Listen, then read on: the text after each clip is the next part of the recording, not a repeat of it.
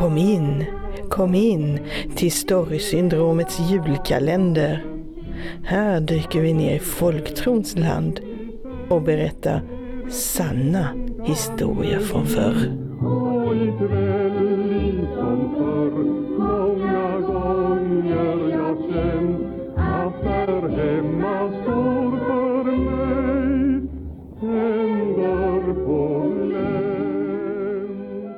När man vill att någon ska bli förälskad igen så finns det flera sätt. Ett är att ta en lus och lägga den i en ostklämma.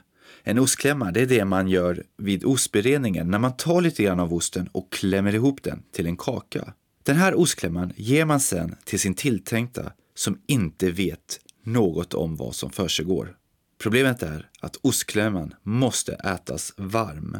Därför är det ett säkrare sätt att ta en grön padda och lägga den här paddan levande i en ask som man borrar hål i så att paddan får luft. Asken tar man sedan med sig till en myrstack och lägger där bland alla de röda myrorna.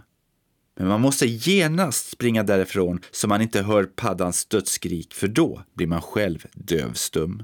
När det har blivit kallt och snön fallit och myrorna krypit bort så går man tillbaka till myrstacken och hittar där två kvarlämnade ben från paddan.